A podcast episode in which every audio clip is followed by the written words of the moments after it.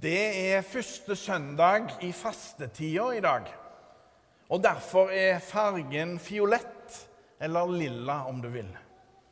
Sorgens og botens farge. Forberedelsens farge. Fastens farge. Og nå er det akkurat passert ett år siden det russiske overfallet på Ukraina. Og i den anledning la oss be en bønn som er utforma av Norges kristne råd. Gode Gud, vi vender oss til deg i bønn. I bønn om rettferdig fred i Ukraina. Krigen er brutal. Mange mennesker lider og er drevet på flukt. Livets Gud, vi ber for barn og unge som lever i frykt. For alle som har mistet sine hjem. For den som er såret og har mistet noen de var glad i. For alle som arbeider for en fredelig løsning. For den som er nedbrutt og ikke ser håp for morgendagen. Fredens Gud, led verdens ledere inn på fredens vei. Gi vilje og visdom til fred. Gi trøst til sørgende og håp til alle. La ditt rike komme. Amen. Dagens tekst dreier seg om da Jesus ble frista. Han viser seg som Guds sønn, den sterke. La oss høre Herrens ord. Gud være lovet. Halleluja, halleluja, halleluja. Det står skrevet i evangeliet etter Matteus. Jesus ble av Ånden ført ut i ødemarken for å bli fristet av djevelen. Han fastet i 40 dager og netter og ble til sist sulten. Da kom fristeren til ham og sa, 'Er du Guds sønn?' så si at disse steinene skal bli til brød. Jesus svarte, det står skrevet, mennesket lever ikke av brød alene, men av hvert ord som kommer fra Guds munn. Da tok djevelen ham med til den hellige byen, stilte ham ytterst på tempelmuren og sa, Er du Guds sønn? så kast deg ned herfra. For det står skrevet Han skal gi englene sine befaling om deg, og de skal bære deg på hendene, så du ikke støter foten mot noen stein. Men Jesus sa til ham, det står også skrevet, du skal ikke sette Herren din Gud på prøve.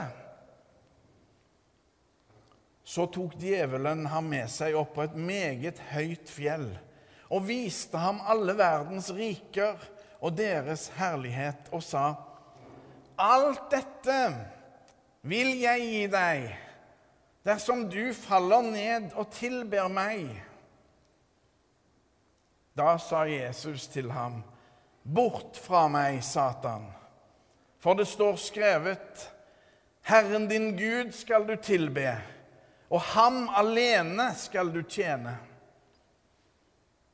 Da forlot djevelen ham, og se, engler kom og tjente ham. Slik lyder det hellige evangelium. Gud være lovet. Halleluja, halleluja, halleluja.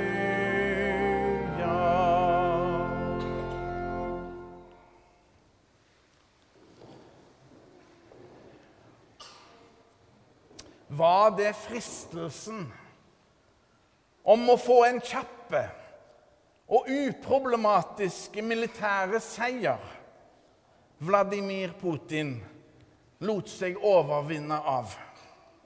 Var det villfarelsen om å ha retten på si side som førte ut i tragedien? Hadde han virkelig gått til angrep hvis han visste hvor sterke motstanden fra Ukraina faktisk ble? At deres kampmoral skulle vise seg så uendelig mye sterkere enn hos den angripende part. Hvis han visste hvor forent Nato og verdenssamfunnet faktisk står, ville han da beslutte å gå til denne krigen? Lot Putin seg lokke av fristelsen om å være Gud? Ting kan tyde på det. Så mye djevelskap, lidelse og død den beslutningen der har betydd. Og dette skjer med den russisk-ortodokse kirkas velsignelse. Som om Gud står bak urett. Som om Gud står bak fristelsen.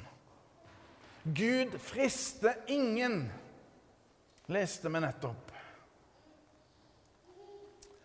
Fasten dreier seg om å fokusere på Gud og det Jesus gjorde for oss i påsken. Nå er vi i fastetida, denne gode forberedelsestida på 40 dager fram mot påske. Og så har vi som vanlig en kveldsgudstjeneste hver torsdag klokka 20.00, unntatt nå til uka pga. vinterferien. Som et åndelig pustehull i hverdagen. Det er aldri mange til stede på disse samlingene. Nå på torsdag var vi 16 stykk som sammen feira en halvtimes gudstjeneste med nattverd. Alt sammen er med på å markere vi går sammen opp mot Jerusalem med Jesus for å være vitne til det store dramaet som fant sted der. Der Guds sønn ga seg sjøl som løsepenge for å sikre vår frihet. Jesus er skikkelig redusert fysisk. Han er meget svekka. Da når Jesus er på sitt svakeste, kommer fristeren til ham og setter fellene opp for ham. Fristelsene han setter opp, er helt reelle.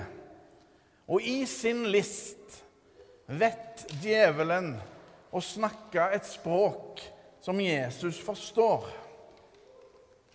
Og som vi leste, bruker òg fristeren Skriften, eller Bibelen, til å lure oss ut på glattisen. Som den luring fanden er, tar han i bruk de beste hensikter og fortsetter hos oss mennesker. Derfor skal vi være kritiske og nøye med hvordan bibelsitater blir brukt. For også sitater fra Bibelen kan misbrukes brukes til å rive ned, slik djevelen søker å friste oss til ondskap og svik. Og som vi nettopp leste fra første Mosebok, har vi lett for å la oss lure. Det er denne tendensen i oss vi trenger å bli redda ifra. Det er ikke for ingenting at vi nettopp i forbindelse med dåpsseremonien, som vi nettopp har hatt her, har sammen framsagt forsakelsen av djevelen.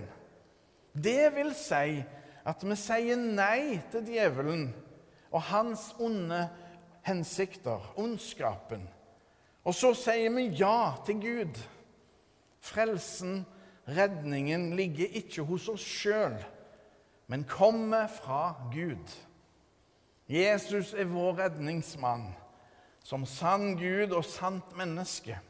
Som Guds sønn var han den eneste som kunne utføre oppdraget. Det store redningsoppdraget. Og som vi så i dag med disse tre jentene Jesus satte sitt seiersmerke på oss i dåpen. Jesus lova å være med oss alltid. Uansett hva livet bringer oss av medgang og motgang. Lot Putin seg lokke av fristelsen om å være Gud? Ragnhild Odland Høen skriver i Vårt Land her en dagen om fristelsen om å være Gud. Hun skriver mennesker er skikkelig dårlige til å være Gud. Da går ting til helvete. Vi har det best når vi får være mennesker. Jesus er den sterkeste, uansett. Der vi fristes og lett faller for fristelsen, der står Jesus fast og lar seg ikke rokke. Han seirer på vegne av oss alle. Sjøl en svekka Jesus er sterkere enn ondskapen. Djevelen klarer ikke å knekke Guds sønn med sine fristelser. Du er Guds sønn, den sterke, sang vi nettopp. Fordi den guddommelige kjærligheten Jesus kommer med når han går i døden for oss alle, er sterkere enn alt annet, til og med døden. Det gjelder Fie, Ine Marie og Lotte. Ja, for alle som er døpt gjennom tidene. For alle som kommer til hans bord i nattverdmåltidet. Det er ikke noe pingla vi møter der. Det er sjølveste Guds sønn. Viktor Jesus, eller Seierherren Jesus. Ære være Faderen og Sønnen og Den hellige ånd, som var, er og blir en sann Gud fra evighet og til evighet. Amen.